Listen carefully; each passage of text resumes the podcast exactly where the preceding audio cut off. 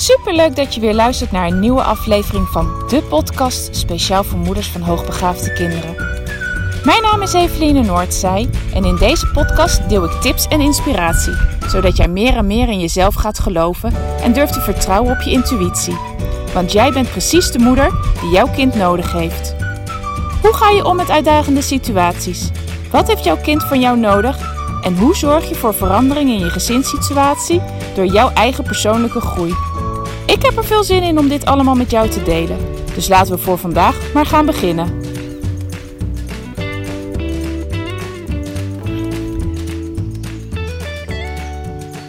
Ha, lieve luisteraar.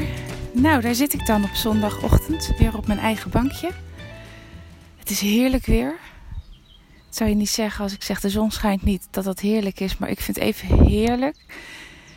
Het is warm genoeg. En de afgelopen dagen had ik al, voor de afgelopen week had ik al een paar podcasts staan. Dus het is al een paar dagen geleden dat ik er één heb opgenomen.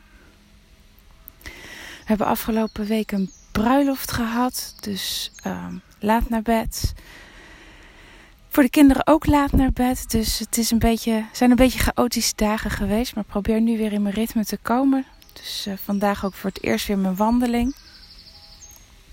En het doet me goed. Weer even tijd voor mezelf. Heel belangrijk. Nou, afgelopen week hadden wij dus die, uh, die bruiloft. Bruiloft van mijn uh, broertje en schoonzusje. We hadden een eten en een feest. Want twee jaar geleden zijn zij al getrouwd. Maar door die coronatijd konden ze het feest niet geven. En dat deden ze nu. We waren daar om een uur of vijf. En de kinderen deden het goed. Het was een uh, mooie plek met een speeltuin voor de kinderen erbij. En die vermaakten zich prima. Maar op een gegeven moment, zo tegen acht uur, half negen, merkte ik aan, uh, aan onze derde dat hij ja, wat moe werd. Niet zoveel zin meer in dingen had. En dat zijn voor mij de eerste signalen dat ik denk: oeh, oké, voor hem is het even genoeg. Dus ik zei tegen hem: als je wil, dan mag je even je iPad pakken, mag je even filmpjes kijken of een spelletje spelen. Ik denk, dan kan hij even rustig in een hoekje gaan zitten. En dat, dat wilde hij ook heel graag. En hij deed het ook. Maar het spelletje wat hij speelde lukte niet. En hij had ook eigenlijk geen rustig plekje uitgezocht. Hij zat gewoon tussen de drukte. En hij werd steeds bozer omdat het spelletje maar niet lukte. En ik zag dat en ik dacht in eerste instantie alleen maar: oh nee, daar gaan we weer. Alsjeblieft, kan je er gewoon niet mee stoppen? Ik heb hier helemaal geen zin in. En op dat moment hoorde ik mijn man er ook iets van zeggen: van joh, stop daar eens mee. Maar dat had helemaal geen effect. En ik dacht, direct ging de schakelaar bij mij om dat, oké, maar dit pad moeten we niet bewandelen als we niet willen dat dit helemaal uit de hand loopt. Ik moest even bedenken, wat is hier nu precies aan de hand? Wat speelt er? Oké, ik denk dat hij overprikkeld is en dat hij behoefte heeft aan rust. Die kan hij dus blijkbaar nu niet vinden hier in deze situatie. Kan hij niet vinden met zijn iPad. Dat geeft dus alleen nog maar veel meer prikkels omdat het spelletje niet lukt. En toen ben ik naar hem toe gegaan. Ik ben even naast hem gaan zitten. En ik heb tegen hem gezegd: Ik zie dat je heel boos wordt omdat je spelletje niet lukt. Zullen wij samen even lekker in de auto gaan zitten? Want volgens mij heb je ook even behoefte aan rust. En dat wilde hij. Hij uh, stond op en liep direct met me mee. En we zijn even in de auto gaan zitten. En ja, hij heeft even nog wat gerommeld op zijn iPad. En na 20 minuten was hij weer rustig. En ik wilde eigenlijk heel graag weer terug. Want het feest begon. En ik zei tegen hem: Blijf jij hier maar rustig zitten, is geen probleem. En als je denkt dat je straks weer wil komen, dan, eh, dan kom je maar. Maar ik ga vast terug. En toen zei hij: Nee, ik ga eigenlijk ook gelijk mee terug. En hij liet zijn iPad liggen. En hij liep met me mee terug naar het feest. En hij is gaan dansen. En ik heb hem daarna niet meer uh, boos of geïrriteerd gezien. En hij heeft het zelfs volgehouden tot een uur of elf. En hebben we een hele leuke avond nog met elkaar gehad. En waarom ik je dit vertel is omdat ik van heel veel ouders terughoor. Uh, toevallig gisteravond ook weer toen ik ergens met een moeder stond te praten over uh, haar dochter die uh, heel veel overprikkeld is. Dacht ik denk, denk dat het een heel goed onderwerp is om eens eventjes in de podcast ook te bespreken. Want heel veel hoogbegaafde kinderen zijn ook hooggevoelig. En je hoort mij bewust zeggen heel veel. Omdat ik van mening ben dat niet alle kinderen, niet alle hoogbegaafde kinderen, ook extreem hooggevoelig zijn. En daar kom ik gerust in een andere podcast nog een keer op terug, op mijn visie daarop. Dat is voor nu even helemaal niet van belang. Maar de meeste hoogbegaafde kinderen zijn ook hooggevoelig. En dat zijn ook de kinderen die heel veel prikkels oppikken uit de omgeving. En die daar ook last van kunnen hebben. En daar is ook nog een verschil. Hè? Veel hoogbegaafde kinderen zijn hooggevoelig. Daarvan is een deel zodanig gevoelig dat ze er ook last van hebben. En een deel van de kinderen kan er eigenlijk ook heel goed mee omgaan. Ik stond dus gisteravond ook met die moeder te praten en die benoemde dat ook. Mijn kind komt eigenlijk altijd overprikkeld uit school terug. En ik dacht, oké, ik, ik weet zelf wat het is als je kind overprikkeld kan raken. Dus laat ik daar dan ook een keer een podcast uh, over maken. Want het overprikkeld zijn betekent dat je kinderen te veel prikkels uit de omgeving oppakken. En dat doen ze niet bewust, maar dat, ja, dat krijgen ze gewoon binnen. En dat ze die niet voldoende kunnen verwerken. En je zal zien dat heel vaak die prikkels thuis, in de thuissituatie, geuit worden. Als we het dan even hebben over school, waar deze moeder gisteravond met mij over sprak. Vaak kunnen ze het nog wel goed uitzingen op school. Kunnen ze ja, zich toch wel zodanig inhouden dat ze daar. Uh, ja, dat ze in ieder geval niet zichtbaar laten zien dat ze last hebben van al die prikkels. Maar komt het er in de thuissituatie uit? En deze moeder gaf aan: Ik vind het soms echt heel erg pittig om hiermee om te gaan. Met name als ik zelf niet zo lekker in mijn vel zit. En ik denk dat daar de key, key ook zit. Van op het moment dat je zelf goed in je vel zit, kan je ook heel veel meer van je kind hebben en kan je er veel beter op reageren. Zoals ik ook in dit, het voorbeeld van die bruiloft. Ik zat goed. Tenminste, ik was rustig genoeg om de signalen te zien en erop te kunnen reageren. En ik weet ook uit ervaring, als ik anders reageer, maak ik het alleen maar erger dus dat scheelt ook dat je, je je zo vaak het al mee hebt gemaakt. Dat je weet wat wel en niet bij dit kind helpt. Maar op momenten dat je zelf niet zo goed in je vel zit, zal je ook zien dat je veel minder rustig kan reageren of zelf ook veel minder van die prikkels van je kind kan verwerken. En dat je dan ook vaak uh, anders reageert en niet altijd even adequaat reageert. Nou, en dan kom ik natuurlijk weer terug op zorg goed voor jezelf. Zorg goed dat je voor, je, voor jezelf, in de zin dat je dit soort dingen ook aan kan. Maar op de momenten dat het goed met je gaat en je dus wel adequaat kan reageren, probeer die momenten ook gewoon heel bewust op te slaan, zodat je er ook gebruik van kan gaan maken op de momenten dat je niet zo goed in je vel zit. Want dan weet je wat wel uh, gaat werken in deze situaties voor jouw kind. En dan kan je er ook gewoon op het moment dat je er niet lekker in je vel zit, adequaat reageren, omdat je gewoon weet wat er wel en wat er niet werkt. En vooral wat er wel werkt.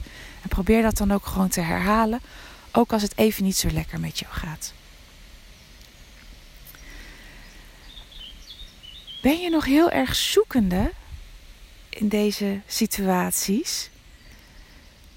Weet dan wat er wat er voor kinderen over het algemeen goed gaat helpen, is een rustig plekje vinden, de nabijheid van jou ervaren. Soms ook bij, bij deze kinderen is de letterlijke nabijheid van jou ervaren. Dus dat bij jou op schoot of tegen jou aan kan zitten. En ik noem dat altijd gebruik maken van jouw uh, uh, zenuwstelsel. Dus op het moment dat jij zelf heel relaxed bent, dan, en je kind zit dicht bij jou, dan voelt het die rust ook. En kan het die rust ook van jou overnemen. Andere dingen die kunnen helpen is gewoon echt letterlijk in de natuur staan. In de natuur zijn. Het kan zijn door buiten te spelen. Het kan door in het bos met jou een wandeling te maken. Of op een andere plek in de natuur. Letterlijk de schoenen uitdoen en in de, in de aarde staan. Op de grond staan. Kan ook heel goed helpen. Wat ik bij mijn eigen kinderen ook altijd gemerkt heb, wat ze fijn vonden, is om in bad te gaan. Of een uh, lange douche te nemen. Dat zijn allemaal dingen die je kan uitproberen. Nou, afgelopen donderdag koos ik er zelf voor om de iPad even aan te bieden. Omdat dat bij het ene kind wel heel goed kan werken. Om even die rust, even in die kokon terecht te komen. En ja, domweg een filmpje te kijken. Maar dat is niet voor alle kinderen geschikt. Of niet voor alle situaties geschikt. Het kan heel goed zijn dat het aan de ene, op het ene moment voor je kind wel de manier is om even tot rust te komen, maar juist op een ander moment niet, omdat het nog meer prikkels geeft. En dat zag ik dus bij onze zoon afgelopen donderdag. Het gaf nog juist nog zoveel meer prikkels die hij niet meer kon handelen. Dus uh, schermtijd, het is een mogelijkheid, maar het is niet bij lange na niet voor elke situatie geschikt. De andere kant van overprikkeling, en die wil ik ook heel graag met je delen. Ik hoor met regelmaat ouders mij vertellen dat hun kind heel vaak overprikkeld is. En als ik dan met ze in ga zoomen op hetgene wat ze dan zien en de situatie eromheen, dan geef ik heel vaak aan ze terug. Maar ik denk niet dat er sprake is van overprikkeling. Ik denk juist dat er sprake is van onderprikkeling. En die onderprikkeling, dat houdt in dat jouw kind niet voldoende prikkels gedurende de dag krijgt om voldaan te zijn. En dan is het heel vaak op de schooldagen dat ze niet genoeg uitdaging hebben gekregen. En op het moment dat er niet voldoende uitdaging is, uh, zal je zien dat ze die prikkeling alsnog willen zoeken. Het zijn ook vaak de kinderen die op die momenten extreem druk gedrag vertonen. Eigenlijk de continu de prikkels maar aan het opzoeken zijn. Uh, om maar voldoende um, nog input te krijgen. En dus dan is er echt sprake van te veel onderprikkeling, die ze zelf proberen op te lossen door de prikkels juist op te zoeken. En dan, dan komt het eruit hè, door heel druk gedrag en door extreem uh, prikkels zoeken en, en, en druk te doen en soms zelfs ook heel boos te zijn. Alsof een kind overprikkeld is, maar dan zit het hem in de onderprikkeling. En het is heel belangrijk om uit te zoeken voor jouw kind.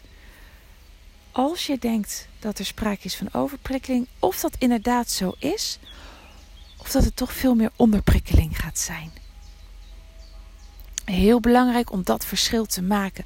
Want pas als je dat verschil duidelijk hebt, kan je ook adequaat reageren. En als ik dan met ouders praat van wat doe jij dus in deze situatie? Hè? Jij hebt het idee dat jouw kind overprikkeld is. Ja, dan ga ik de prikkels zoveel mogelijk vermijden. We gaan minder op pad, we blijven thuis. Ik probeer het zo rustig mogelijk voor mijn kind te maken, maar het lijkt net alsof het niet helpt. Nou, het lijkt niet net alsof het niet helpt. Het helpt ook daadwerkelijk niet, omdat je insteekt op overprikkeling terwijl er sprake is van onderprikkeling. Dus probeer dat voor jezelf heel scherp te krijgen. Van waar is er nu sprake van? En waarmee kan ik mijn kind dus het meeste helpen? En steek daar dan ook echt op in. Ja, ik denk dat dit het wel is wat ik voor vandaag mee wilde geven. het stukje overprikkeling bij kinderen die heel gevoelig kunnen zijn en de hele dag prikkels opdoen en die dus niet voldoende op die momenten kunnen verwerken. Nou, geef die kinderen echt de rust en de ruimte om aan hè, die prikkels kwijt te gaan raken. Maar weet ook dat het vaak, veel vaker misschien wel dat je denkt voorkomt dat het kind juist onderprikkeld is. En dat het zich uit op een manier waardoor jij denkt dat het kind overprikkeld is. Maar die dat echt niet zijn. En dan heb je een hele andere manier van benaderen nodig. Want dan zal je juist merken dat meer input geven ze gaat helpen. Nou, ik hoop dat je weer hier iets mee kan. Heb een fijne dag. Het, is, uh, de, het gaat de komende week prachtig weer worden. Het is natuurlijk een prachtig begin uh, van de zomervakantie voor uh, Regio Midden. Geniet ervan en tot snel.